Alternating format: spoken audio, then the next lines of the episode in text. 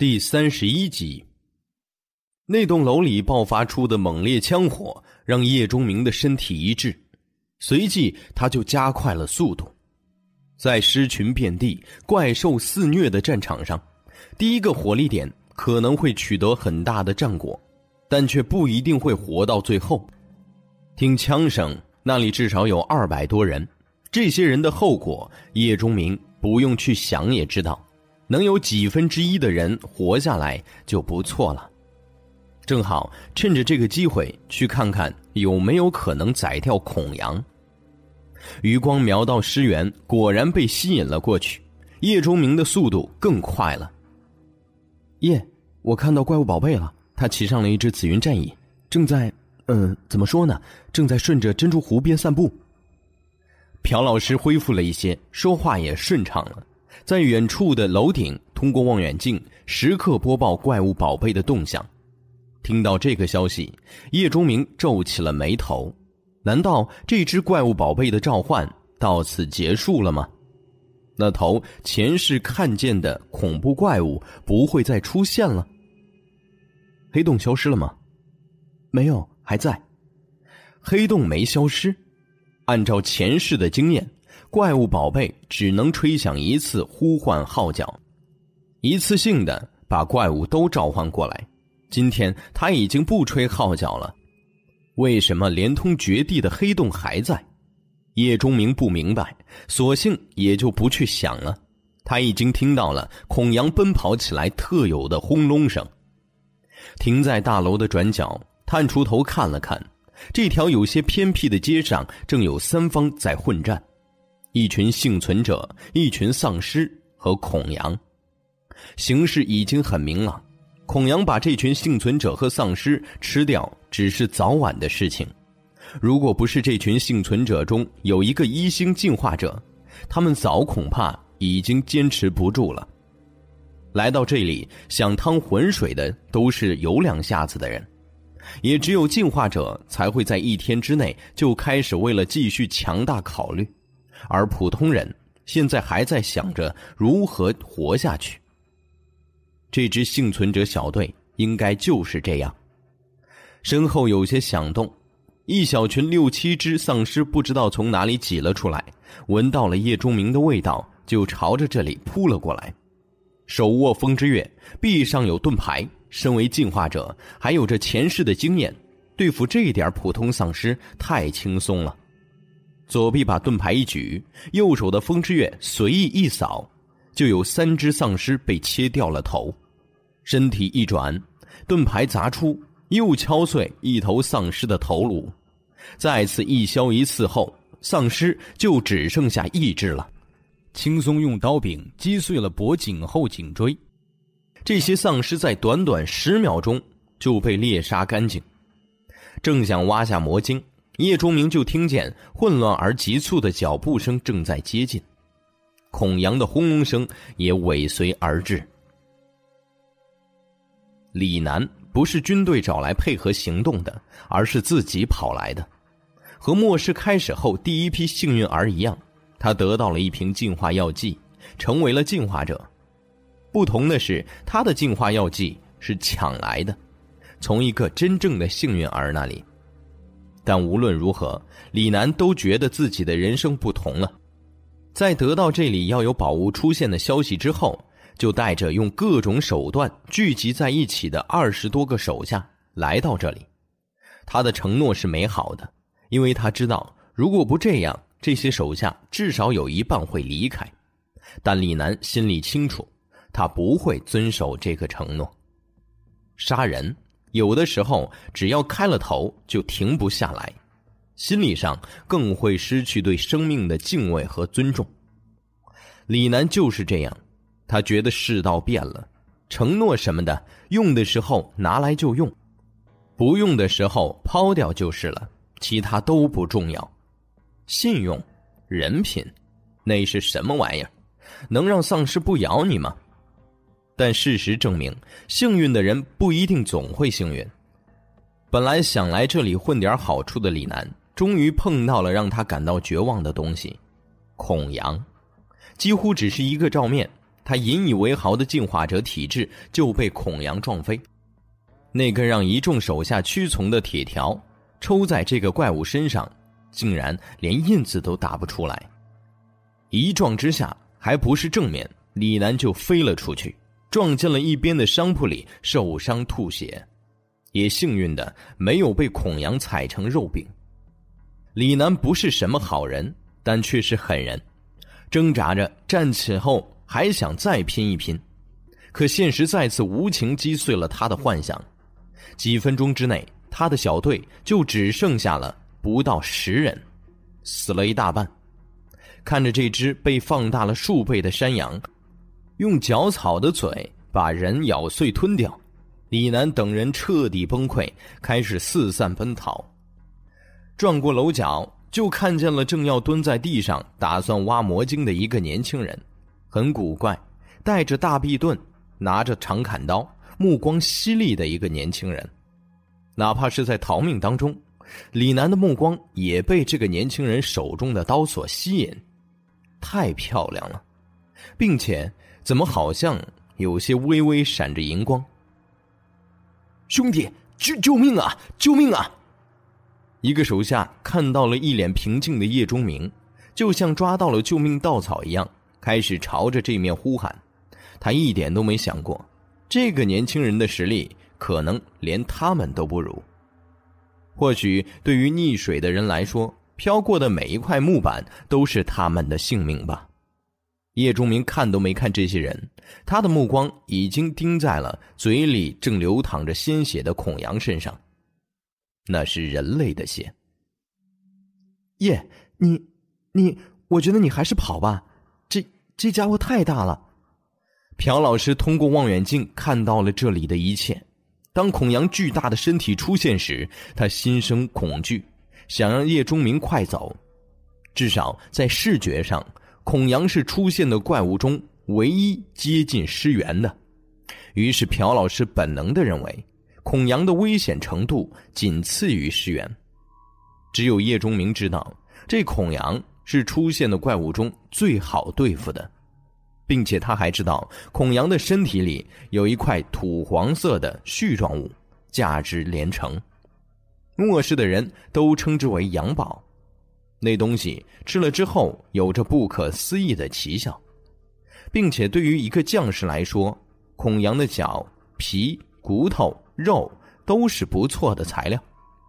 深吸了一口气，叶钟明猛然提升了自己的气势，对付这种。高出自己一阶的怪兽，如果连必胜的信心都没有，那还是趁早逃跑吧。叶钟明开始助跑，速度之快已经超过了百米世界纪录很多，直接朝着孔阳冲了过去。虽然身形在孔阳面前很渺小，但气势竟然一点都不输。孔阳的大眼睛里露出了一丝嘲笑，仿佛在笑话这个人类的自不量力。刚才那些人类的不堪一击，让他感觉在绝地外面的世界上，他即便不是最强大的，也是最强大之一。孔阳低吼一声，四肢用力，大头微垂，他决定直接把这个人类撞成肉饼。飞速跑动中的叶钟明精神极度集中，在某一个时刻，整个人突然诡异的一顿。惯性让他有些脱离地面的趋势，他趁势在地面一点，身体就飞了出去。左手在孔阳已经到了眼前的大头上一按，翻腾了一下，落到了那宽大的背上。这看似简单，但其中对于眼力的考教、对于时机的把握、对于力量的运用，都必须非常精确，否则后果不堪设想。如果计算不准起跳的时间，那什么都不用说，会被孔阳一头撞死。如果不能巧妙借力，那在孔阳头上噌的一下，就会让你的手臂直接断掉，而不是借势翻到了孔阳背上。这是十年积累下的技巧。如果有只前世的身体，叶竹明还可以做得更好。孔阳不愿意了，一个渺小的人类。怎么可以落在自己的背上？他第一时间开始原地翻腾跳跃，要把这个人类甩下来，然后踩扁吃掉。感觉身体传来一阵巨大的向上甩动力，叶钟明反应也快，手腕一转，风之月就向下插去。锋利的刀刃直接破开了孔阳坚硬的外皮，刺进了他的身体。嗷呜！巨大的怒吼从孔阳的嘴里喷出，他高仰着头，仿佛这样能让痛苦减轻一些。他没想到，这个人类手中的武器竟然可以破开他的防御。和孔阳一样没想到的，还有刚才逃跑的李楠那些人。他们刚才越过叶钟明的时候，都以为这个年轻人疯了，竟然想以一己之力对抗这头恐怖怪兽。之前是他们喊叶钟明帮忙，但叶钟明真的开始对抗孔阳后。这些人却一点相助的心思都没有，跑的倒是更快了。只是毕竟还惦记着身后的战斗，不时会回头看一眼。于是这帮幸存者看到了让他们难以置信的一幕：他们发现自己一帮人无论如何都打不破一点皮的怪兽，被这个年轻人一刀就刺进了身体。这个年轻人难道可以对抗这头怪兽？很多人的脚步都慢了下来，特别是李楠。宝贝的传说再次出现在了他的脑海里。此时的叶钟明可没有时间管自己这些同类在做什么，他紧紧握着刀柄，极力控制着身体，好让自己不被孔阳颠下去。风之月的锋利数值已经达到了二十，显然孔阳是防御不了的。如果给他机会，叶钟明自然可以给这头怪兽造成极大的伤害。可现在他不得不把风之月卡在孔阳的身体里，以此换取自己留在孔阳身上。一下子，一人一怪陷入到了僵持当中，一个想让他下去，一个就不想下去。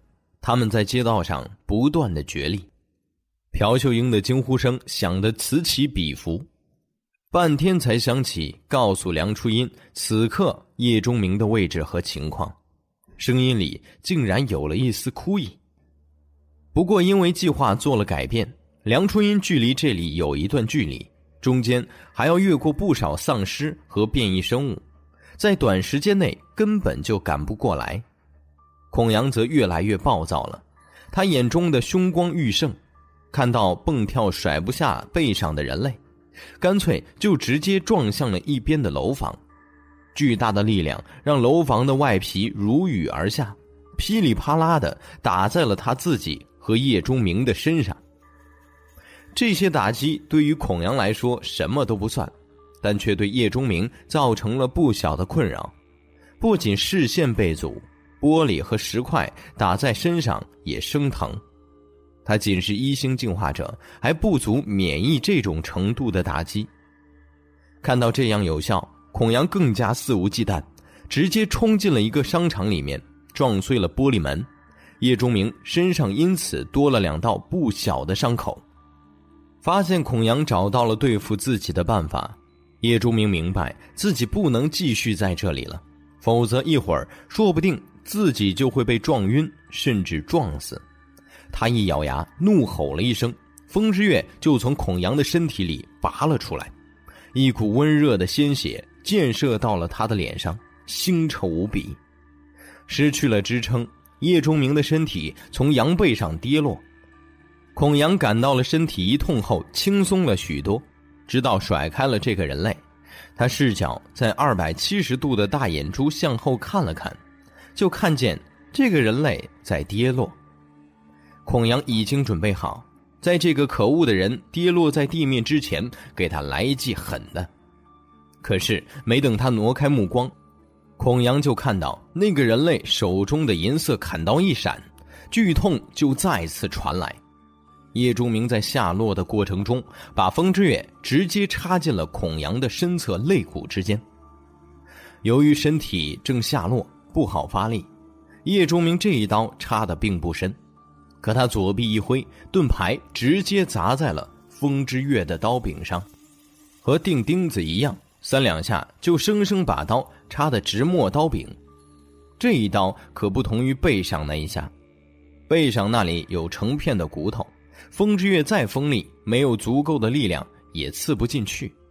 可在身侧这一刀，这里只有肋骨，中间有着巨大的缝隙，并且很多内脏也都在这一侧。当风之月全部刺进之后，不知道什么器官被刺破，孔阳疼得浑身痉挛，竟然控制不住身体，一头栽倒在地。叶钟明也不好受，他感觉右臂都要断了。本来止住下降趋势的时候，手臂就承受了巨大的力量。孔阳这突然一倒，更是直接拽着他也倒了下去。这两下之后，右臂麻木肿痛。只能靠着顽强的意志，才能继续抓着刀柄。看到孔阳倒下，叶忠明左手一撑，站了起来。右臂不好用，他只能用左手拔出了风之月。这一下比之前量更大的鲜血喷了出来，瞬间就流淌了一地。孔阳身体剧烈抽动了一下，忽的又挣扎着站起，只是刚刚受到重创。第一次没有成功，只是跪在了地面。叶钟明哪里会放过这样的机会？他左手猛然直伸，风之月带着寒光就刺进了孔阳的一只眼睛里，一股腥臭的绿水溅了出来。身体跳开，躲开孔阳的呼啸而来的大脚，叶钟明再次跑到了另一侧，如法炮制，刺瞎了孔阳的另一只眼睛。接连受到重创。更是失去了光明，孔阳鼓起最后的力量，凭借着感觉愤然一冲，就撞在了飞退的叶钟明身上。惊险之间，叶钟明只来得及用盾牌抵挡，哐，身体倒飞了出去，撞倒了商店内一排衣架。落在地上时，叶钟明嘴角流出了两道血线，可他脸上却满是笑意。他知道这只孔阳。死定了！在刚才电光火石之间，叶钟明其实对于孔阳致命位置的把握并不是太准确。他的进化等级让他不足以完美控制自己的身体和出刀的角度。不过好在孔阳的身体太大了，致命部位相应的也就不小。叶钟明那一刀还是刺对了地方。他缓缓坐起来。看到那边的孔阳还在做最后的挣扎，想要站起，却只能徒劳。扑腾了几下后，身体的血都流光了，最后只能栽倒在地。大眼珠看着缓缓接近的人类，孔阳不明白，强大的他怎么就会被击败？我的天，真把这大家伙干掉了！几声嘈杂从被孔阳撞开的商场大门处传来，刚才还在逃跑的幸存者中，几个胆子比较大的人畏畏缩缩的潜到了附近，来这里看看结果。但说实话，他们自己都不抱什么希望。那个年轻人再厉害，也不可能比这个巨大的羊角怪厉害。如果能够重伤怪物，就已经是很幸运的事情了。第三十二集，自然，他们心底未必就没有过来捡便宜的心思。可当他们看到流了满地鲜血的怪物无力躺在那里，那个年轻人一瘸一拐的走向他的战利品时，这些幸存者震惊了。当别人做到了自己办不到的事情时，人们的第一反应总是难以相信。之后。第二、第三、第四反应是什么？那就要看人品了。这几个胆子比较大的幸存者，在最初的震动之后，神色中就有了些说不清道不明的复杂。这位，这位小兄弟，这真是你干掉的？这，这你用了什么方法呀？一个年纪稍微大一些、约有五十左右的中年人慢慢走了过来，小心翼翼的。看了看孔阳，确定他真的死了之后，才一脸激动的对叶钟明问：“冷漠的看了这些人一眼，目光在李楠的身上多停留了一秒。毕竟这是位进化者，也是这些人中对叶钟明威胁最大的。既然刚才已经跑掉了，那就彻底一点，没必要来这里凑热闹。叶钟明转过身，面对这些人，指了指门外：“我不欢迎你们，离开。”这话说的，李楠等五个人脸色都不好看了。这满是戒备和厌烦的语气，让他们涌起了非常不舒服的感觉。年轻人，你怎么能这么说话呢？还是那个中年人，他的目光先是看了看叶钟明的刀和盾，然后又看了看四周，阴沉着脸色道：“不否认这怪物最后是你杀死的，但你也不能否认我们之前和他战斗过。”功劳，我们也有一半。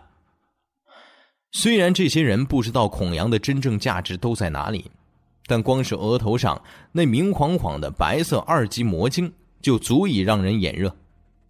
这些幸存者们虽然没有和军方合作，可已经知道了军方发布了收购魔晶的消息。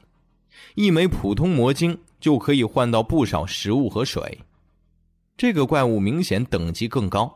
能换到更好的东西，说不定连枪都能换得到。面对这种好东西，让他们就这么放弃，这如何舍得？叶钟明冷笑了一下：“哼，你们所说的功劳，是被这只怪物一片倒的屠戮吗？或者说，连怪物的皮都没弄破，也叫功劳？当羞愧难耐的时候，人们更多的会恼羞成怒。”而不是自省自查，这就是劣根性。这些幸存者们有些愤怒了，几个人都指着叶钟明大呼小叫：“小子，你说话客气点不会说话就别说。饭可以乱吃，话不能乱说，祸从口出啊！年轻人，都是在这世道里求生活的，见面留一线，日后好相见。”叶钟明不打算和这些人废话了。眼中寒光一闪，低吼道：“滚！”叶钟明虽然现在只是一星进化者，可末世开始后的这一天的时间里，他可杀了不少丧尸和怪兽，身上自然有股凛冽的气势。现在一个“滚”字出口，颇有些不怒自威。那帮人的气势顿时就滞了滞。不到万不得已，叶钟明其实并不想沾染同类的鲜血。毕竟现在和末世中后期不同，那个时候因为资源的有限，哪怕是人类之间互相杀伐也在所难免。而现在很多人还搞不清楚轮盘和进化，实在没有必要妄开杀戒。不过你没有这样的想法，不代表别人也没有。看到叶钟明明显不让他们染指孔阳，这些人互相看了看，狠力就出现在了他们的脸上。小子，敬酒不吃，非要吃罚酒，很好。李楠用手中的铁条指着叶钟明的鼻子吼道：“识相的，滚远点这东西老子要了，不识相，今天就把你放躺下。”这边出了个黑脸，那边自然会有一个白脸。最开始说话的那位中年人叹气劝道：“年轻人，做事要考虑周全。”不要太冲动，那样对自己没有好处。如果你没有受伤，你还有硬气的资格。可现在你看看你，一只手抬不起来，一条腿行动不便，你拿什么和我们抗衡？听老大哥我一句劝，赶紧走吧，省得丢了性命。说着，还一副你要感谢我的样子，指着李楠道：“看见这位了吗？”这可是个狠人，昨天还杀过人呢。孩子，世道变了，现在谁拳头大谁说了算，杀人都不犯法了。两个人一唱一和劝说着，让叶钟明自己离开。其实他们心中也是颇有些忌惮的，否则以李楠狠辣的性格，直接就弄死叶钟明了，还用得着费这些口舌？叶钟明微侧着头，因为耳机里传来了朴秀英的情况通报。他看见一群数量很多的丧尸正朝着叶钟明方向移动，想来应该是刚才的战斗惊动了他们，并且怪物宝贝那边有了新的动向。那个背着金色袋子的小家伙骑着一只紫云战蚁，闯进了珍珠湖畔的一个糖果店里，一支幸存者队伍正在围过去。今天最大的目标，就是那个怪物身上的袋子。叶钟明怎么可能让别人抢了先？他根本就没太在意这些色厉内荏的人，转身就要刨开孔阳的身体，取出阳宝走人。看到叶钟明真的想要离开，李楠这些人误以为他是怕了，对对眼神就改了主意。小子，人可以走，刀和盾都给我留下，还有你后背的背包，也给我放到地上再滚。本来已经转身的叶钟明，忽然的一下又转了回来，眯着眼睛，低声吐出了一句话：“你们，还真是贪得无厌呢。”三点钟方向，下来吼了一声，手中的枪喷吐着火焰，对着三点钟方向不停的射击。成龙和小虎跟着朝这个方向开火，三个人一起把这一面窜过来的变异老鼠打飞。暂时缓解了窗口的危机。这边呢，小叶来帮我。程泽满头大汗，他引以为豪的射术在这个时候显得苍白无力。尸源太大了，大到根本不需要瞄准就可以射中。可是现在的情况却是，你射中了他，他一点事儿都没有，除了楼上一个狙击手的攻击对他有些作用。让他不得不时刻防护着头脸之外，其他人的攻击和程泽一样，根本就没什么危险。可是他们又不得不继续这种无用的射击，至少这样还能让尸源放缓脚步。否则，让这个大家伙到了楼前，除了撤退外，就别无他法了。但撤退就意味着这条防线的崩溃。这方面的变异生物和狮群会直接威胁到叶团长的后方，到时候别说去珍珠湖夺宝，就是自保都成问题。程泽看到其他三个人去压制速度奇快的鼠群，就喊莫叶来帮自己。话音刚落，一只灰白的手臂突然从窗户下面伸了出来，眼看要抓住他的手。这可是丧尸的爪子，上面布满了病毒，只要被抓破一点，人可就废了，剁手可能都不好用，只能等着变成那种怪物。事出突然，程泽又正端着枪射击，想要躲闪已经来不及了。这只不知道什么时候爬到这里来，只有半截身体的丧尸，就如同死神一样，马上就要抓住这位警校的教官。千钧一发之际，突然一只手横了过来，替程泽挡住了这通往地狱的一抓。小叶，程泽眼睛都红了，因为方向的缘故，莫叶来不及把枪塞过来，只能用近侧的手来抵挡。可莫叶也是血肉之躯，这么一挡之下，那只丧尸的手虽然被打开，可锋利的指甲也划破了莫叶的手。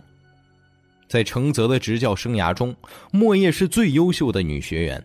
私下为了这个好苗子，程泽没少下功夫。可以说，虽然名义上两个人一个是学员，一个是教练，其实实质上和师徒差不多。逢年过节，双亲不在本市的莫叶都是去程泽那里过的。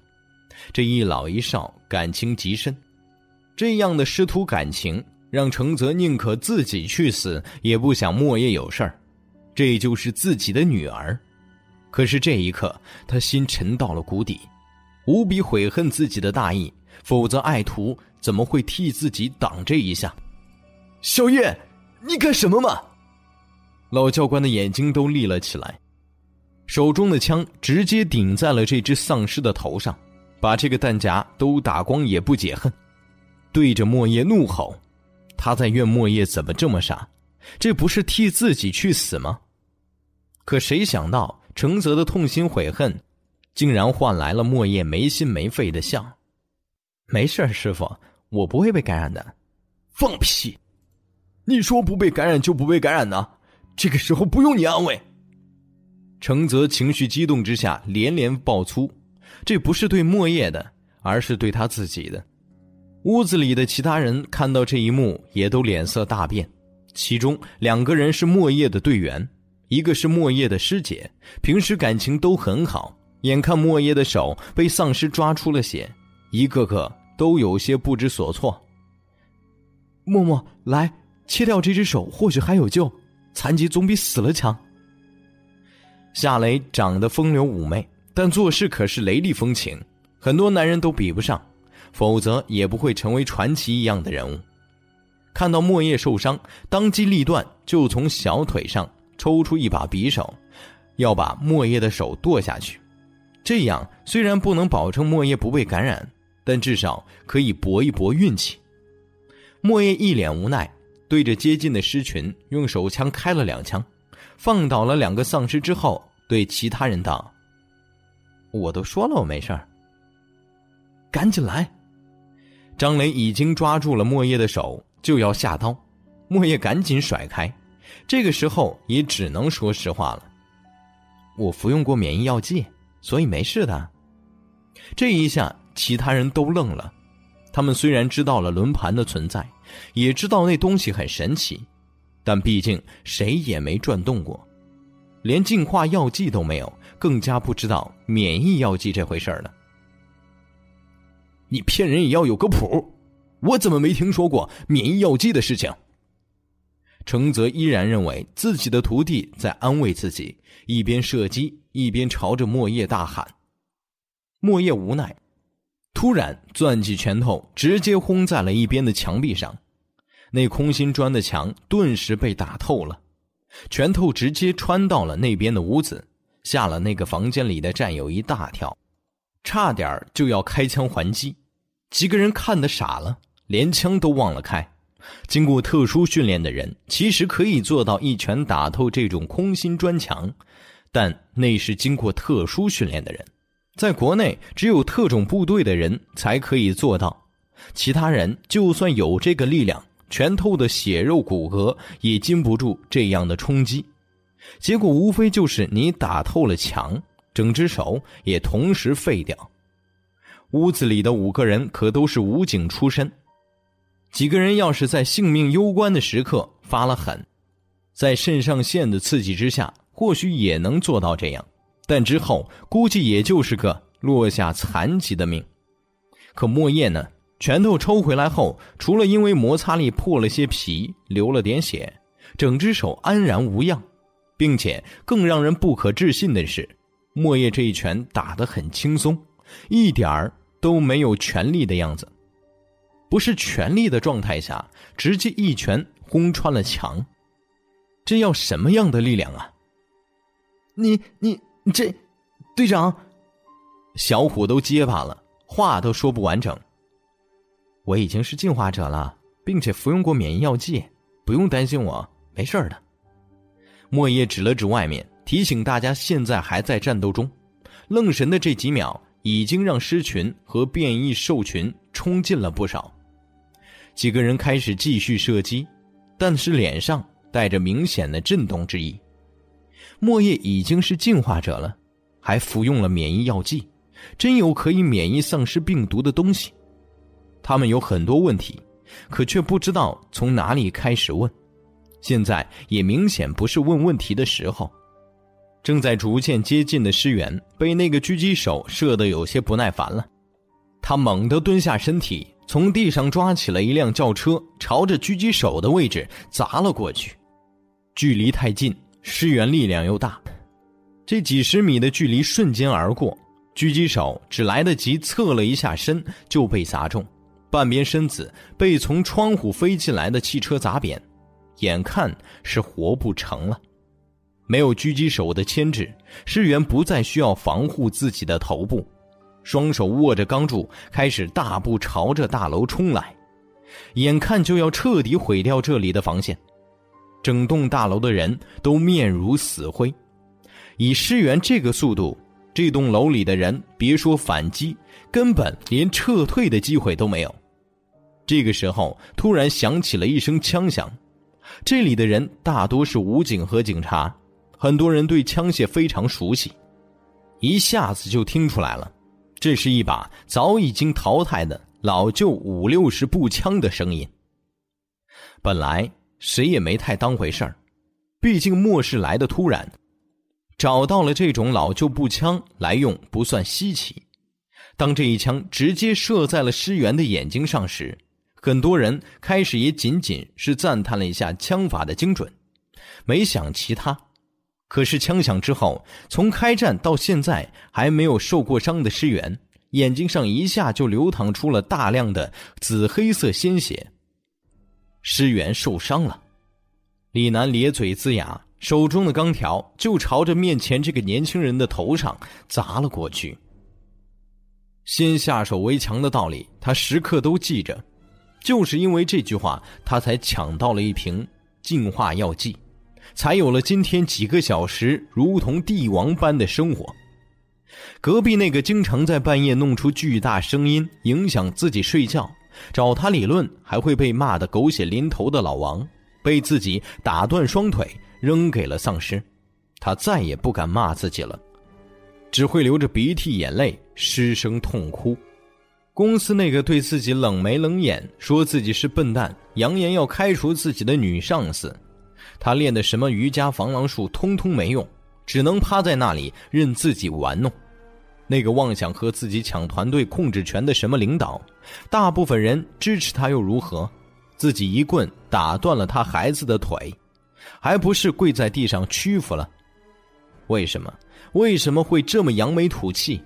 还不是因为自己强大，这些人无力反抗。从那个时候起，李楠就知道世道变了。以前的一切都见鬼去吧！现在让自己更加强大才是真的。所以他用铁条砸去这一下，兜头盖脸用出了全力。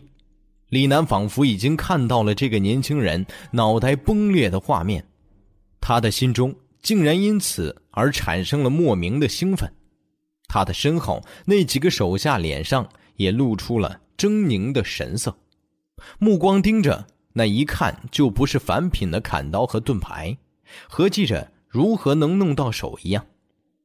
可过了几秒，这几个人感觉不对了，自己头手里的铁条怎么往地上落呀？最诡异的是，铁条上还抓着一只手，断手。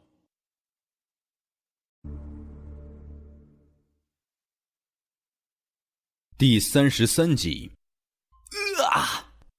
李楠的惨叫这个时候才传来，他也是用了几秒才弄清楚自己的情况。不知道什么时候，自己握着铁条的右手竟然被齐根切掉了。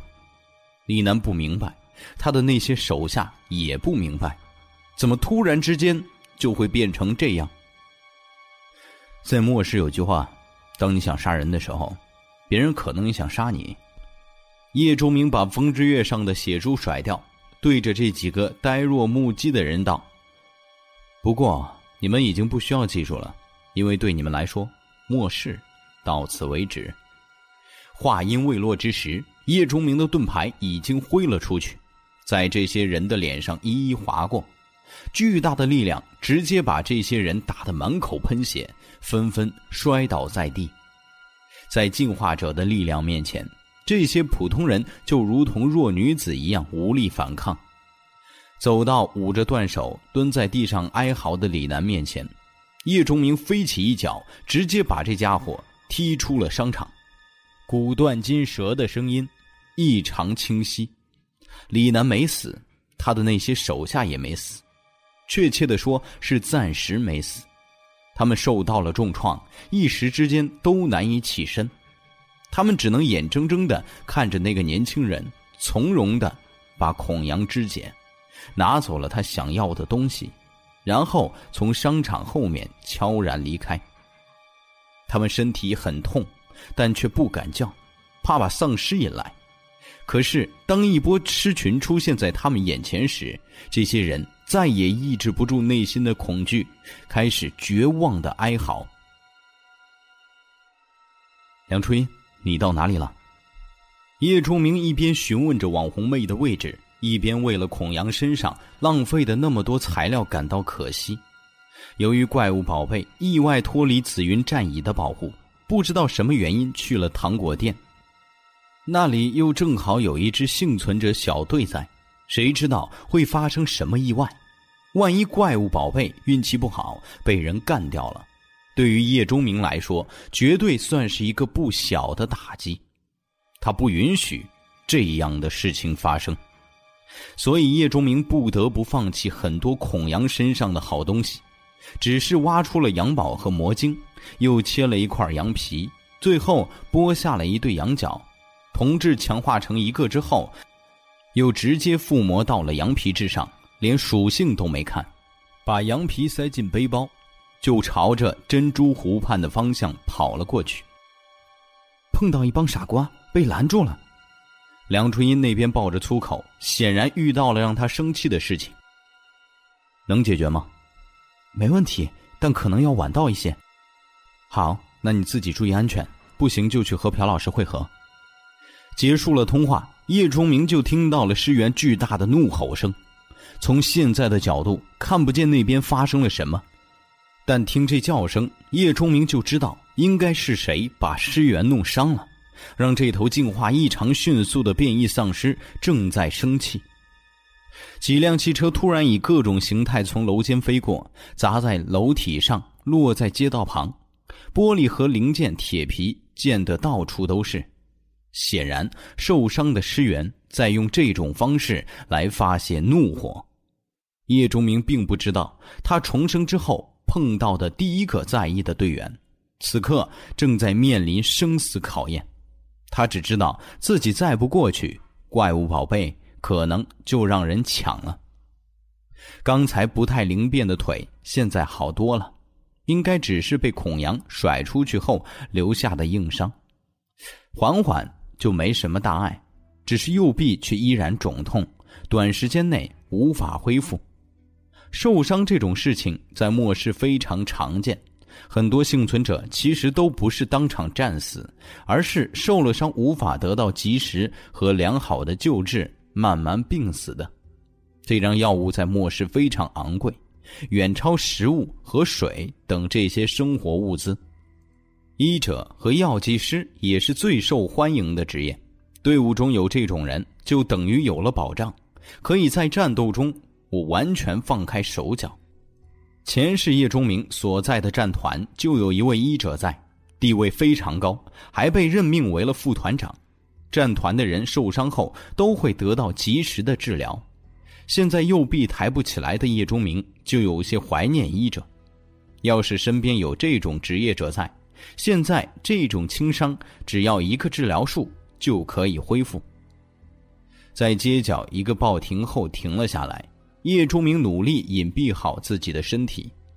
前面的这条街就是通向珍珠湖畔的道路。那队人数众多的军人团队就是在这条街上前进的，此时他们已经推进到了附近。不得不说，在前后左右四个方向都有队伍在替这支军队抵挡威胁，让他们的挺进非常迅速。此刻距离珍珠湖畔已经很近了，站在街道中央，可以清楚的看到那个硕大的黑洞。不过，他们就在这里。遭到了强烈的狙击，那群紫云战蚁密密麻麻的堵在了道路上，想要从这里过去，就必须消灭他们。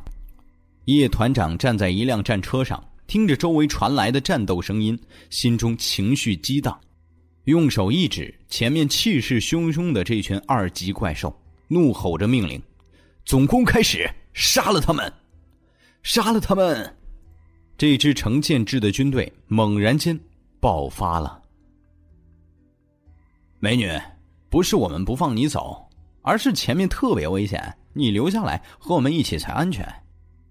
胡多海看着面前这个纤细的妩媚女人，眼睛里的一丝兴趣掩盖的很好。他感兴趣的不是女人的相貌和身体，而是女人身上进化者的气息和手中那条奇异的鞭子。相比于很多在末世第一天就成为进化者的幸运儿，胡多海的进化之路要艰辛一些。末世开始时，胡多海只是守在两间小瓦房里的钉子户，在和各方拆迁势力消耗比拼着耐心。为了不被强拆，他把年纪超过八十的老父老母和数个岁数大甚至瘫痪在床的亲戚，都接到了两间小屋里养着。末世开始后，这几位老人都没扛过变异潮，成了吃人的丧尸。正值壮年的胡多海吓得跑了出去，却又跑了回来，因为外面这种怪物更多，铺天盖地的一般。为了活命，他壮着胆子把这些变异的亲属都杀掉了。瘫痪在床、只能用爬的这些老年丧尸，实在是威胁有限。只要自己不被吓得走不动，击杀他们没有什么难度。把这些尸体拖到后面工地上掩埋的胡多海，竟然的在那里发现了一个轮盘。这个新奇的玩意儿矗立在那儿，散发着诱惑的光芒。胡多海不算笨，很快就找到了使用的方法。他用自己亲属额头上的魔晶转动了轮盘，得到了一张他自己都不知道什么用途的卡片。后来他出去找食物的时候。碰见了带队清理丧尸的叶团长，用那张卡片和轮盘的位置换来了食物、水和一瓶净化药剂，并且不知道什么原因，叶团长还把一些幸存者划归给了胡多海管理，这让和平年代做着拆迁一夜暴富美梦的四十岁男人第一次有了当领导的感觉。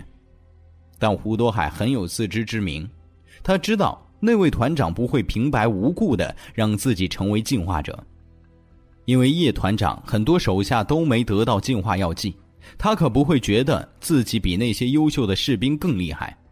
直到叶团长给他分派了任务，给了他一些武器枪械之后，胡多海终于明白，人家这是让自己当炮灰呢。怪不得他们愿意牺牲一瓶净化药剂，不，不是牺牲。自己也是付出了一张卡片的，胡多海已经意识到自己的那张卡片可能价值远超净化药剂，但他什么都没说，更没有流露出一丝对叶团长的不满，甚至还服从指挥，带着一些人来到这里当炮灰，因为胡多海知道，他即便是表达不满也没什么用，最后的结果不是得到自己应得的，而是变成一具丧尸也说不定。所以他明智的选择服从，并且把自己的命运交给了上天。胡多海懂得一个道理：人在屋檐下不得不低头。他没办法要回属于自己的公平，那么就只能低头顺从。可这个漂亮女人的出现，让胡多海找到了一丝找回公平的可能。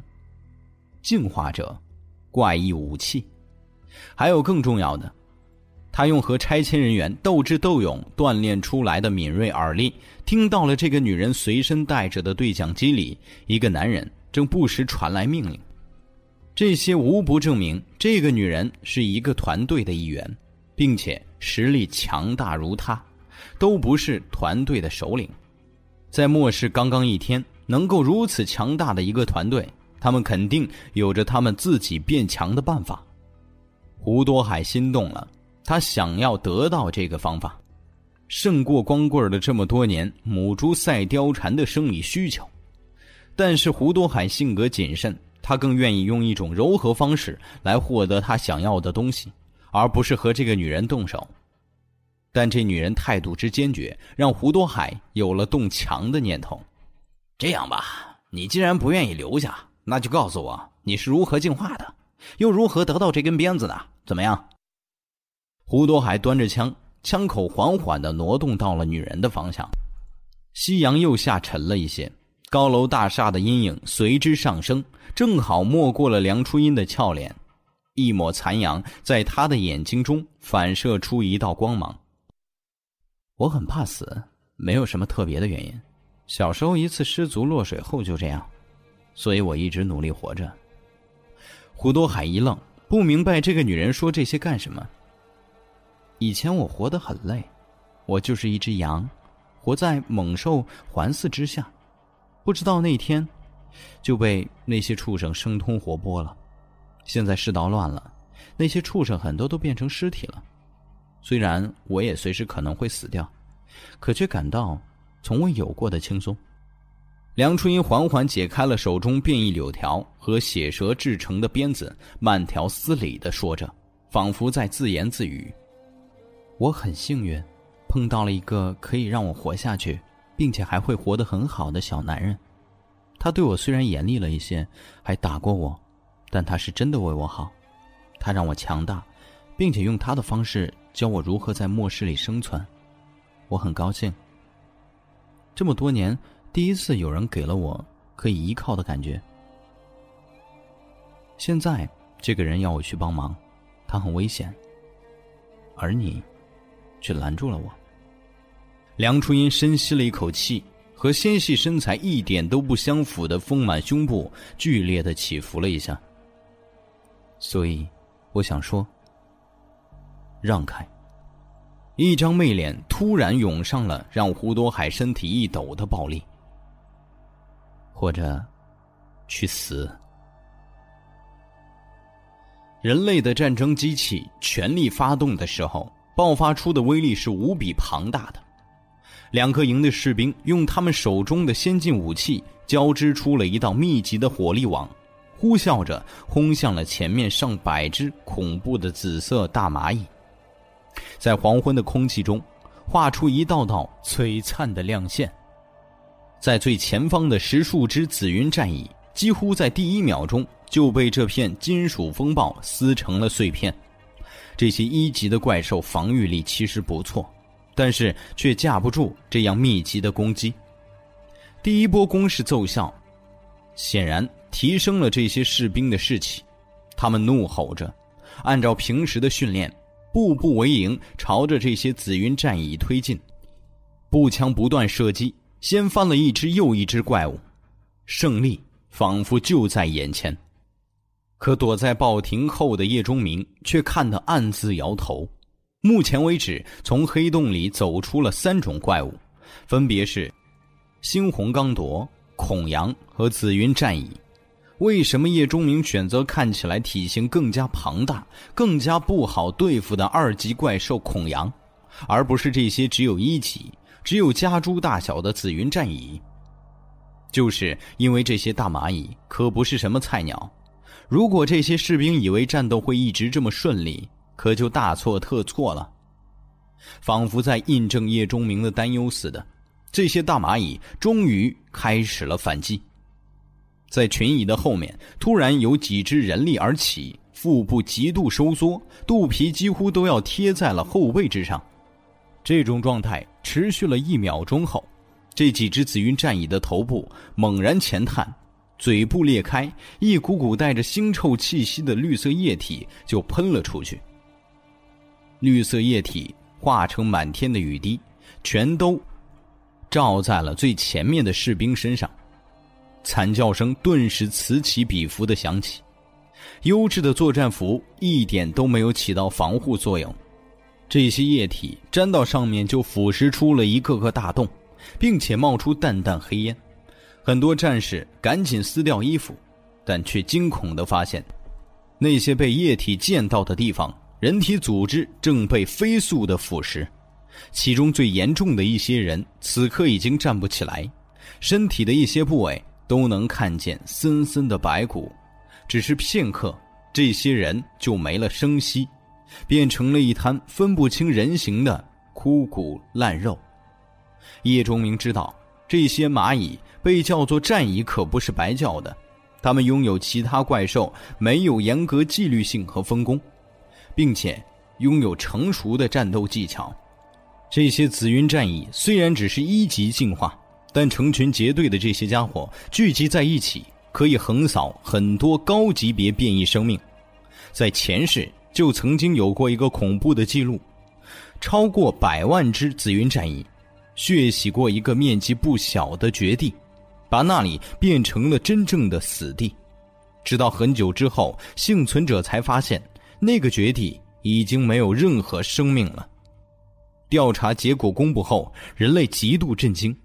要知道，那个绝地里最强大的领主是一头七级变异生命啊，就被百万只一级战蚁给彻底摧毁了。蚁多咬死象，这个现象在某种程度上同样适用于末世。这些紫云战蚁强大的另一方面表现在，它们进化过程中出现了能力上的区别。比如现在这些在后面吐着酸水的战蚁，他们是法蚁，专门负责远程攻击，喷涂的酸水腐蚀能力非常强，腐蚀性是王水的很多倍。基本上，人类沾染上就不可能幸免，除非你拥有特殊的能力和职业，或者达到六星以上才可以不在乎。而前面那些正在朝着士兵们冲锋的，叫做刀蚁，他们拥有比其他同类强壮锋利得多的刀足，有着更加坚硬的甲壳，还有更快的速度。除了这两种战蚁，还有一种被称之为真蚁。它们的双肋部生有数根黑色的骨刺，这些骨刺可以被发射出去，威力堪比弓弩，并且飞动无声，非常隐蔽，让人防不胜防。这些骨刺射出后，真蚁就会及时的补充，甚至上一个星期就会重新长出，彻底恢复战斗力。第三十四集。法蚁的攻击告一段落，他们重新趴下身体，瞬间就有刀蚁过来，把他们护在了中央。这些法蚁在整个种群里数量很稀少，身体也比同类脆弱，是重点的保护对象。这一波攻击之后，至少有超过二十个战士失去了生命，还有同等数量受了伤，暂时失去了战斗力。如果被腐蚀的部位不能得到及时的处理，他们大多都会落下残疾。怪兽的突然袭击打乱了部队进攻的节奏，让整支队伍都出现了混乱。这也可以理解，和平年代的军队已经太久没有打过仗了，士兵们都没见过血，并且驻扎在城市内的这支武装力量也仅仅是常规部队，属于防御性力量。平时干的最多的是救灾，哪里打过什么仗？现在真刀真枪的见血了，还是面对这些非人怪物，有这样的表现其实已经不错了。趁着人类的混乱，刀蚁已经冲进，挥舞的刀足在夕阳下闪着寒光。叶团长和一众指挥都清楚，不能让这些家伙冲进队伍中，否则溃败将不可避免。那些东西的刀足跑动中，连坚硬的汽车外皮都切开了。用八五枪！叶团长一声令下，旁边就开来了两辆军车，车顶上支着两顶 W 八五重机枪。四位射手上好了子弹，朝着面前的战蚁就开了火。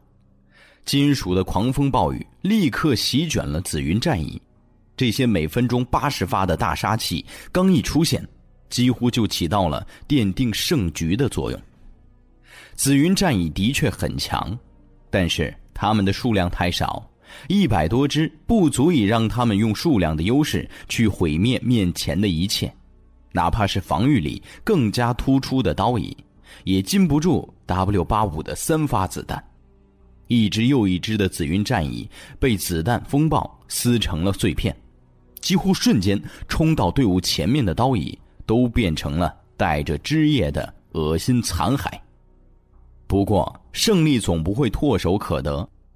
就在整支队伍继续往前推进了几米之后，几十根细长的黑影突然从混乱的蚁群中飞出，利用黄昏已经有些发暗的天色，就射到了两辆战车之上。四位机枪手没有一点防备，直接被刺穿了身体。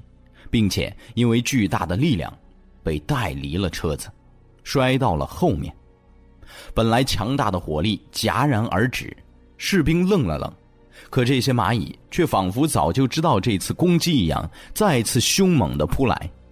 士兵们很努力，如果在末世当中历练一些时间，所发挥的战斗力绝对不是现在看到的这样。可他们从来没有经历过如此残酷的战斗，对这些怪物更是丝毫不了解，做不到预防和准确应对。所以，当失去了重机枪的掩护之后，在心里巨大波动的情况下，被紫云战蚁冲进了队伍当中。经过了之前的数次攻击，紫云战蚁的数量现在连一半都没有，只剩下不到四十只。这其中还包括那些吐过了酸水和射出了骨刺的法蚁和真蚁。冲进士兵队伍里的最多也就二十多只。可就是这二十多只一级的怪兽，在短短几十秒内就给士兵们造成了严重的伤亡。本来厚实的阵型一下子被削弱了许多。叶钟明看着还能动的左手紧握着风之月，心中在权衡是不是要帮忙。这些军人由于身在一个特殊的集体，对末世理解和适应，其实远比普通人来得慢。但这并不妨碍末世初期的这些士兵成为叶钟明为数不多敬佩的对象之一。如果可以，他愿意施以援手。可他看了片刻，又放松了身体。他发现了一些不对，越过血肉横飞的战场，目光落到了依然站在车顶上的那位团长身上。叶钟明的神情有些冰冷，心中冷哼一声。叶钟明不再犹豫，从报亭后窜出，紧贴着街边的高楼，向着珍珠湖畔飞快移动。他没有注意到，就在他跑出了百米之后，那位叶团长也发现了他，眯着眼睛在他的背影看了一眼，随即挪开了目光。紫云战役和士兵们发生战斗的地方，距离珍珠湖畔已然不远。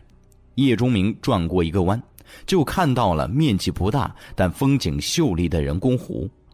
他刚想寻找那间湖边的糖果店，可是却发现事情没有那么容易。因为在自己的前方不远处，有十多只紫云战蚁虎视眈眈地盯着自己，正是之前那些已经撤退的法蚁和真蚁，还有保护他们的四只刀蚁。这些战役的后面，一间门脸不大的店铺内，也在这个时候突然飞出了数具尸体，并且里面响起了枪声。接着，叶钟明就听到了让他脸色巨变的号角之声。湖面上，那个巨大的黑洞在号角声中猛然扩大了几倍，一个巨大的影子缓缓从里面走了出来。莫队，你。那是什么枪？怎么能伤了这怪物？张龙嘴巴张得老大，他不可置信的看着窗外第一次受伤流血的尸源。其他人看了看尸源，又看了看莫叶，最后同时把目光落在了那把老旧的步枪上。之前莫叶已经给了这些人太大的震撼，进化者，病毒免疫。这些在他们看来有些天方夜谭的东西，都在这个昨天还和自己一样的人身上发生了。但这就是事实，墙上的大洞证明了一切。现在证明这些的又多了一把古怪的枪。不算有些没心没肺的小虎和张龙，程泽和夏雷都意识到，在末世开始后的这一天当中，这位徒弟和学妹。发生了一些他们不知道的变化。程泽毕竟年纪大，见过的世面多，考虑事情也最周全。他只是略微一想，就猜测到了什么。你和总头说要离开，是不是就因为这个？莫叶今天回到总部之后，就和总头说想要离开了。很多人一时都不理解，毕竟如果大家在一起，互相之间非常熟悉。有武器，有食物，只要不犯傻，是不太害怕丧尸的。团队远比一个人要安全。连夏雷这种身手奇好、老公还在别处等着他去会合的人，都没有鲁莽行动，在等待着最佳时机。莫叶最多和夏雷实力差不多，自己一个人出去，不是和生命过不去吗？不可否认，知道这个消息的时候，程泽和夏雷都不赞同。但现在，他们知道了，原来这位年轻的小队长有了可能更好的道路，一条能够让他在一天之内可以免疫病毒，并且成为进化者的道路。还有这支枪，本以为他是不知道从哪里捡来的破枪，谁成想威力竟然超过了总队的那把狙击枪。莫叶咬着嘴唇，再次寻找着开枪的机会。对周围自己这些师傅同事们的疑惑，不知道该如何解释。其实他也是回到了这里之后，才发现自己从叶钟明那里究竟得到了什么。进化药剂、免疫药剂、步枪、子弹，这些他本来没觉得什么，甚至一度认为这是自己付出后应得的报酬。可回来后，他才发现自己付出的那些。根本就不配得到这样高昂的报酬。是的，昂贵。莫叶回来后，无意间听到了总头和那位叶团长通过还没断掉的内线电话通话，听到了一瓶净化药剂可以换多少好东西。他从那个时候知道了自己拿的有些多了。现在自己被丧尸抓破了手，却不会有事，可以阻止这只怪物靠近。让大家获得生存的时间，他又觉得自己不仅仅是拿的多，而是拿的太多。越是这样，莫叶心中对叶钟明的感激就越多，也越发坚定了他在执行完这一次的任务之后就离开这里。他的心告诉他，和那个人在一起才是自己的希望。世界变了，有些东西很神奇，神奇到超过了我们的想象。莫叶盯着发了疯一样把周围的汽车全部都踢飞的诗源，低声说着：“有机会，我再和你们详说吧。”话音未落，他再次扣动了扳机。这一次，他的目标不是诗源有所防备的眼睛，而是他的膝盖。莫叶又用上了一发叶钟明离开时送给他的子弹。莫叶手中的老旧步枪。是他离开时，叶钟明用数把步枪铜制强化过的，虽然没有附魔，但威力已经很大，已经追平甚至赶超了一些狙击枪的威力。除此之外，叶钟明还送了他五发经过处理的子弹。莫叶不知道这些改变了样子的子弹是怎么来的，但他知道，这是那个男人神奇的能力之一。铜制强化过的步枪和铜制强化过的子弹，让莫叶一样重伤了尸源的眼睛，镇住了这一栋楼里的同事。不过这些东西终究没有被附魔过，没有特殊的能力在，威力虽大，但还不足以杀掉这只恐怖的尸源。所以莫叶在第一枪之后立刻改变了策略。子弹瞬间划过这几十米的距离，准确的击中了正在发泄怒火尸源的右膝。那灰白色的皮肤顿时就爆开了，露出了里面已经变成淡黑色的膝盖骨。这一枪的威力让尸源停顿了一下，他低下光秃秃的大头，用惨白的眼珠看了看自己的膝盖，接着对莫叶的方向就开始大吼了一声。尸源周围的尸群开始疯狂的朝着这个方向移动，甚至放弃了包围这栋楼的企图。他现在只想这个对自己造成威胁的人死。刚才是谁开的枪？跟我走，刘局叫你加入他的组。一个人从外面跑了进来，目光在众人身上转了一圈，就在程泽和夏雷两个人的身上移动。这两个人。一个是功勋赫赫的教官，一个是出了名的实力美女，最有可能就是他们两个开的枪，并且他们的枪械也是最好的。片刻之后，他发现大家的目光都落在了唯一没有看他的莫叶莫队长身上。这位小队长正专注的瞄准，然后流畅激发，在这个过程中，他的双臂几乎没动。仿佛枪械反震力不存在一样，这个人有些敬佩，但是看到那把老旧步枪的时候，还是没忍住眼中的轻蔑。帮我一起攻击。莫叶语气中有些焦急，他是进化者，已经感受到了尸源身上的威压，知道如果让这家伙靠近大楼，大家只有死路一条。右膝盖，快！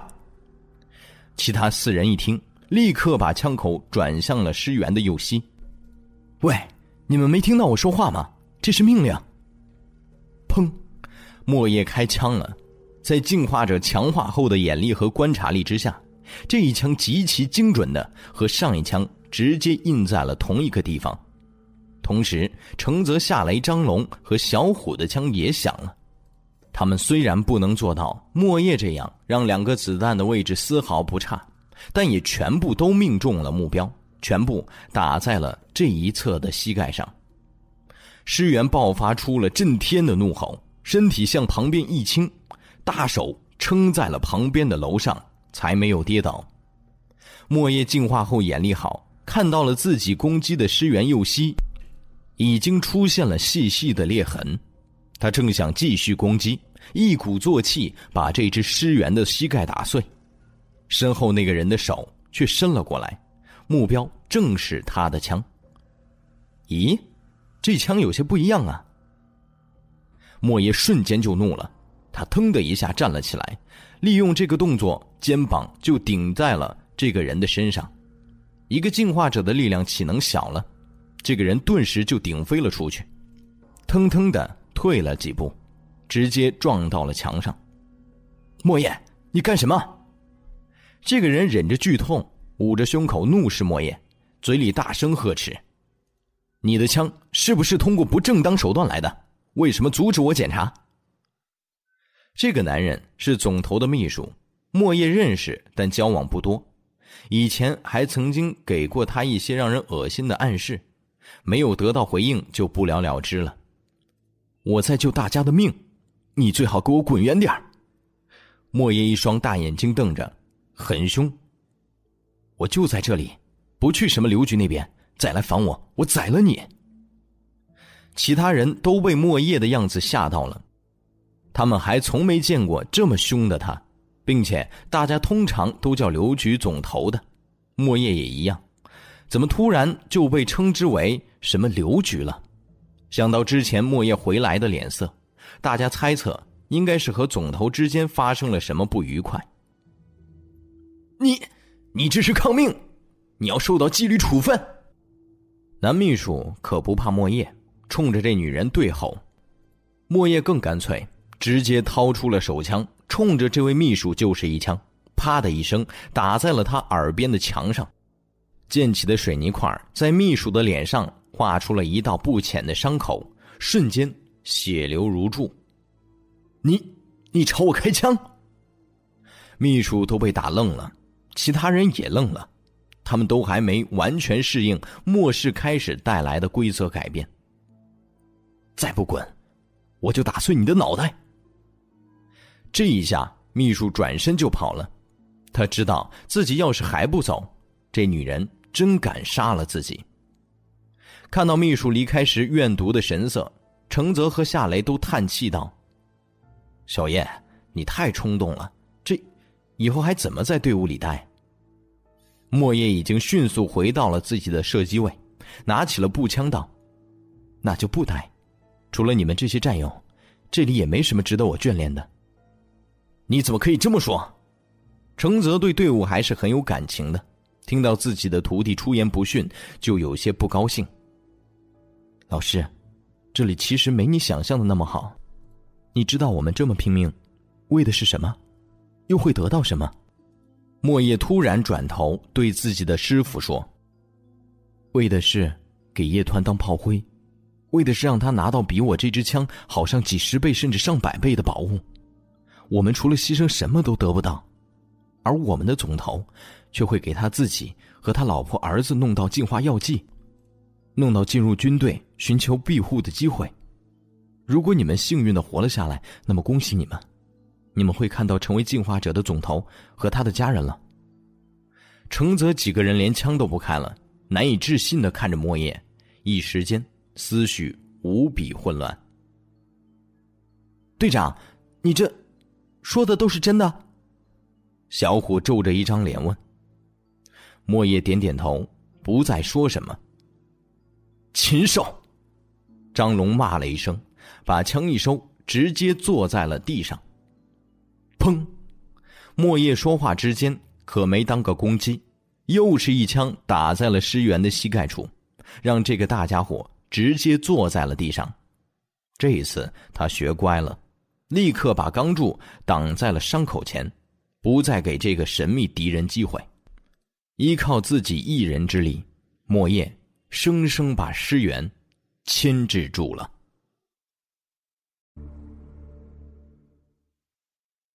第三十五集。但是尸源如果这么好对付，那他也就不是让人类谈之色变的变异丧尸了。他缓缓站起来，让大群大群的丧尸挡在了自己前面。他虽然高达五米。但是膝盖的部位，也就是在一米五左右。这些丧尸一挡，莫叶再也看不见自己的目标了。莫叶气得一拍窗户，他现在只剩下一发叶仲明给他处理过的子弹了。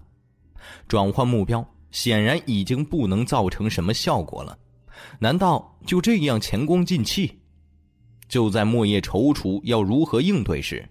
突然，他的余光扫到了什么，他立刻扭过头去，就看到在另一个方向，一身狼狈的朴秀英朴老师正在朝着这个方向仓皇奔逃。离得黑洞近了，从黑洞中透出的绝地味道越浓。可是，当这个巨大的黑影出现时，绝地的味道已经没人去注意。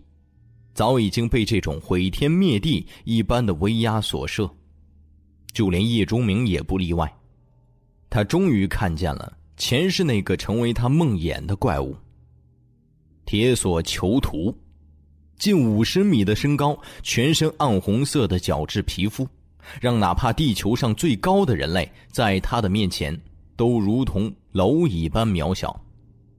粗壮的下肢踏上了珍珠湖的地面。巨大的轰隆声让地面都是一抖，一前两后三只粗腿让他看上去异常怪异。同样怪异的还有他的四只手臂，均匀长在了肩膀和肋间，随意一动就会发出呼啸之声，无不显示他们蕴含的力量。硕大的头颅上有一根青色的独角。角的顶端有一小团光芒，呼吸一样时明时暗，但这个庞大怪物身上的威势，至少有一半要来自于这团小小的光芒。这光芒里仿佛蕴含着什么雷霆之力似的。这只怪物最奇怪的地方，是在它巨人一样的身体上缠绕着很多圈墨黑色的粗大铁链，这些铁链。由不知道多少个碗口大小的椭圆形金属环组成，四只手臂上、整个上身，甚至在三只下肢的上半部，都缠绕着这种铁链，随着他的走动发出哗啦哗啦的声响。现在没人知道这个家伙是什么，又是从哪里来，对他的强大也只停留在他山岳一般的身躯上。但叶钟明知道，这家伙后世被称为“铁索囚徒”，是为数不多在末世开始后不久就打破绝地的壁垒到了外面的强大存在。他的实力强绝，并且进化很快。现在他的额头是一枚绿色魔晶，代表他是四级进化的存在。用不了多久，这家伙就会成为五级、六级。七级，并且在末世开始一年之后，就成为人类所知的第一批数个九级怪兽之一，还是一个在人间游荡的九级怪兽。当时人类并没有九星强者的时候，铁索囚徒就是无敌的存在。他没有什么目的，就是在大地上游走，毁灭他碰到的一切。几十个幸存者基地就这样覆灭在他的手上，很多末世中人类的希望之星被他杀死吃掉，人类毫无办法。直到后来，人类也有了九星强者，并且认识到了这家伙的巨大威胁，才集齐了三位强者来杀死他。人类获得了胜利，但代价也很惨重。其中一位九星强者受到了不可遇的身体损伤，过了不久就跌落了等级，仅仅几年的时间就病重而死。就是这样，让人类失去了一个九星强者的强大存在。根据当时在场的人说，这一头怪兽还是不知道和什么东西战斗过，已经受了伤，否则人类那一次的行动能不能成功都不一定。那一战，三位人类九星强者中，就有一个叶钟明在这一世碰到的人，穆心飞。那一战是杀戮玫瑰的成名战。后来，人类对铁索囚徒仔细研究过，发现这个家伙和其他怪兽是不同的。其他的怪兽进化方式是杀戮、进食、积攒能量，到了一定程度就会发生进化。可铁索囚徒不同，他虽然毁掉了不少基地，但却没有刻意的去杀戮。只要不去招惹他，不挡住他游荡的路线，那么他看都不看你一眼。所以，很多专门研究怪兽的人都猜测，铁索囚徒的进化应该是另外一种方式——解封。铁索囚徒不知道什么原因，力量被封印了。随着时间或者其他一些人类不懂的因素，就会慢慢解开，逐渐强大。第一次出现这个城市的时候，它只是一只四级怪兽，一年后就成为了九级。这种进化速度太恐怖了，也只有解锁才能够解释。这种说法得到了广泛的认同，也被人更容易接受。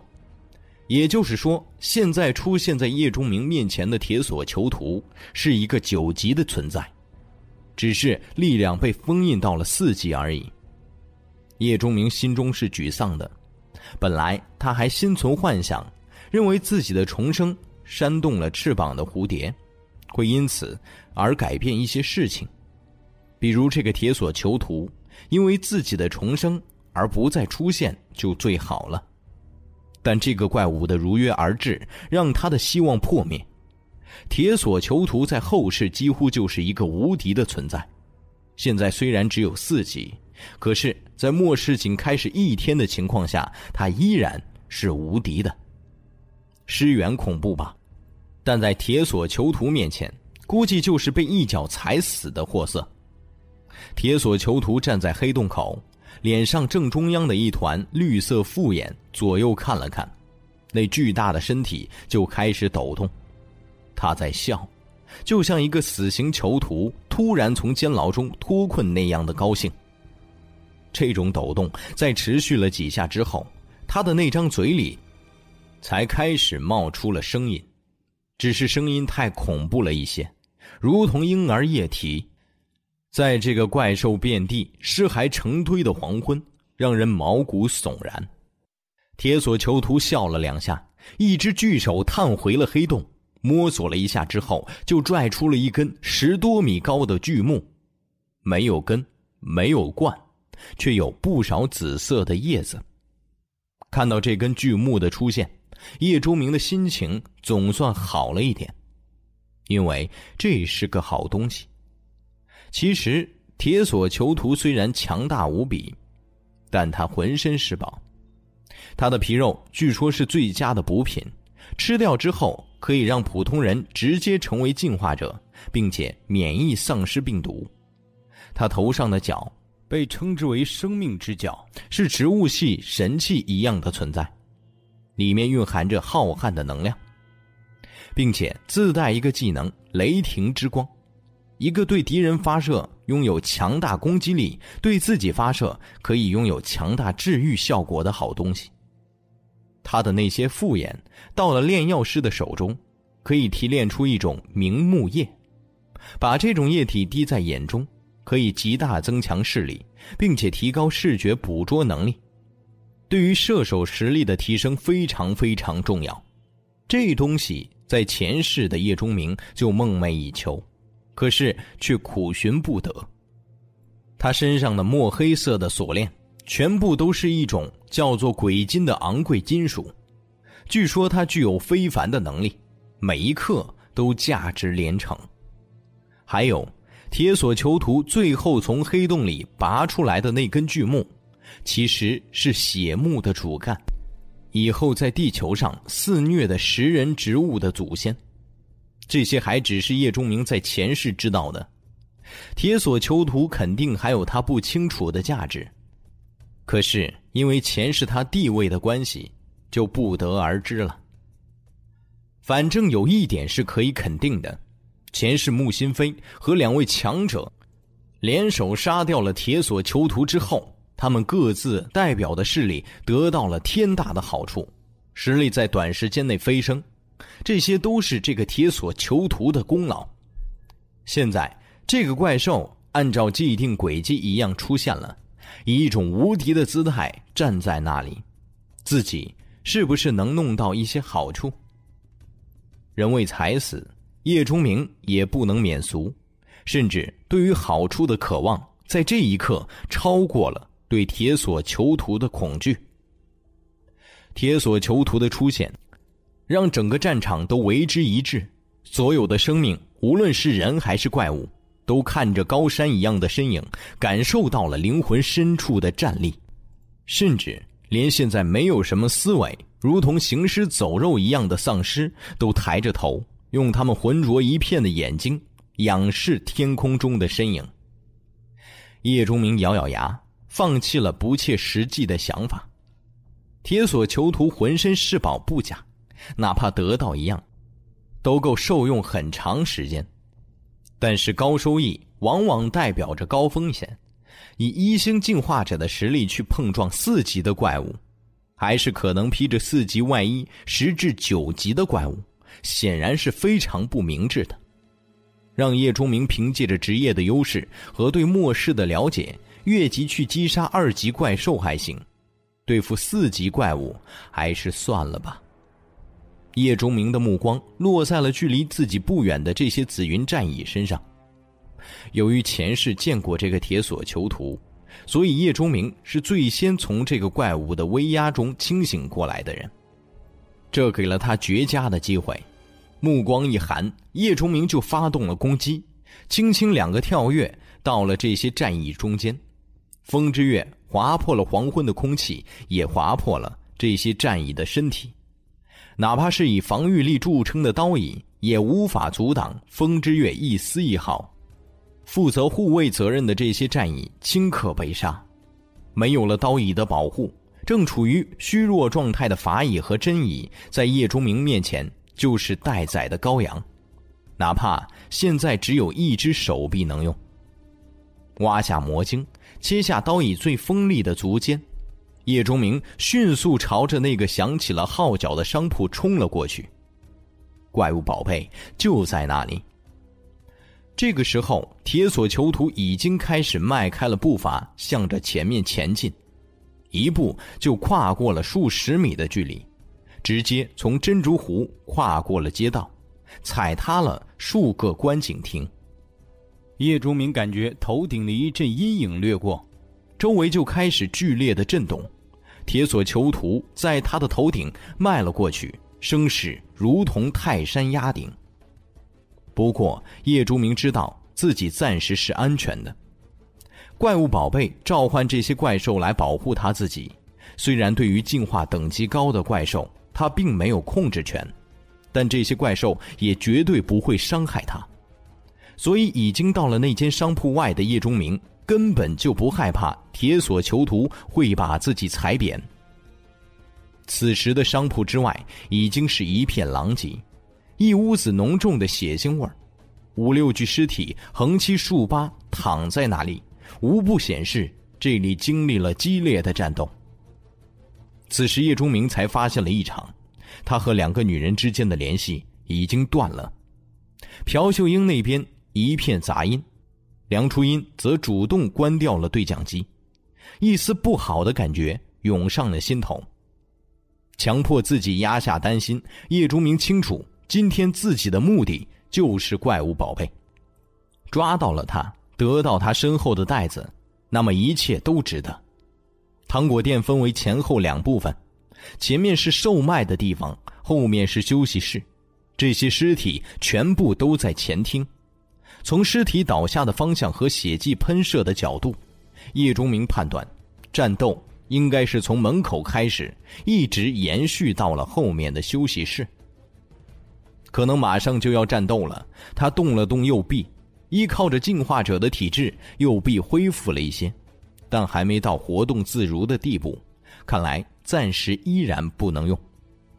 悄然靠近后面的休息室，还没等到门口，突然。就听到里面一声巨响，好像什么东西被撞破了似的。接着就是一连串奇怪的叽叽声。听到这个声音，叶钟明心头猛跳，这是怪物宝贝特有的叫声。小东西距离自己不远，他直接窜进了休息室，看到前面几个人的背影正踌躇不前。这些人也听到了后面的脚步声，回头一看。见到是个陌生人，立刻就警惕了起来。叶竹明瞳孔一缩，他看见这些人竟然都拿着枪，虽然只是普通的手枪，但在这狭小的空间里威胁很大。谁？没事的赶紧走！这些人调转了枪口，面露凶色。要是过一段时间，这几个人遇到这种情况，一定在第一时间就开枪了。但末世毕竟刚刚开始，这些人还做不到动辄杀人。叶崇明哪有时间和他们废话？情况摆在眼前，怪物宝贝已经从后面逃走，他不能在这里浪费时间，直接过去几下就把这些打晕，把他们的枪收了起来。军枪，枪一入手，叶钟明就知道这是军队流出的枪。看来为了这次的行动。那位团长还真下了血本。休息室后面的卫生间里有着一个大洞，叶竹明从这里钻出来，就到了这些商铺的后巷。铁索囚徒此刻正在前面不远处挥舞着血幕，把周围碍手碍脚的丧尸和变异生物打飞。叶竹明的视线落在了小巷的尽头，他看到背着金色袋子的怪物宝贝。正骑在一只紫云战椅上狂奔。他的身后不远处是四个拿着步枪的人，正朝着他瞄准。枪声一响，怪物宝贝的肩头泛出了一朵血花，有一枪击中了他。但是利用这个空隙，他和紫云战椅也一拐弯消失在了后巷中。叶团长，请求支援！我发现了一个背着金色袋子的小东西，刚才。他从袋子里拿出了一瓶药剂砸我们，竟然是净化药剂。那个家伙应该就是今天最大的目标。他的袋子里都是好东西。李书俊冲着对讲机大声喊叫。经过了刚才的战斗，他知道自己对付不了那只大蚂蚁，此刻已经放弃了毒霸那些宝贝的想法。终于把这个消息通知了叶团长。后面的叶钟明一听就知道。怪物宝贝的事情藏不了多久了，一会儿，所有今天参加战斗的人都将知道这个消息。他必须在这些人之前拿到那个袋子。不再犹豫，叶钟明开始朝着怪物宝贝消失的方向狂奔。李书俊等人这时才发现，跟着他们的人不是同伴，纷纷抬起枪就要射击。这四个人可比刚才在屋子里的人干脆多了。但是他们遇到的是叶钟明，他只是略微晃了晃，就让这四个人把握不准方向，失去了开枪的机会。猛虎般冲进了人群，用盾牌挡住了一个人的枪托，右肩一沉，撞飞了一个。接着盾牌移开风之月，砍向了另外一个人。这个人下意识的横枪一挡，锋利的刀锋。就把枪直接切成了两半，虽然失去了武器，但这个动作救了这个人一命。他一脸冷汗的后退，直接就贴在了后巷的墙上，让开了前进的通道。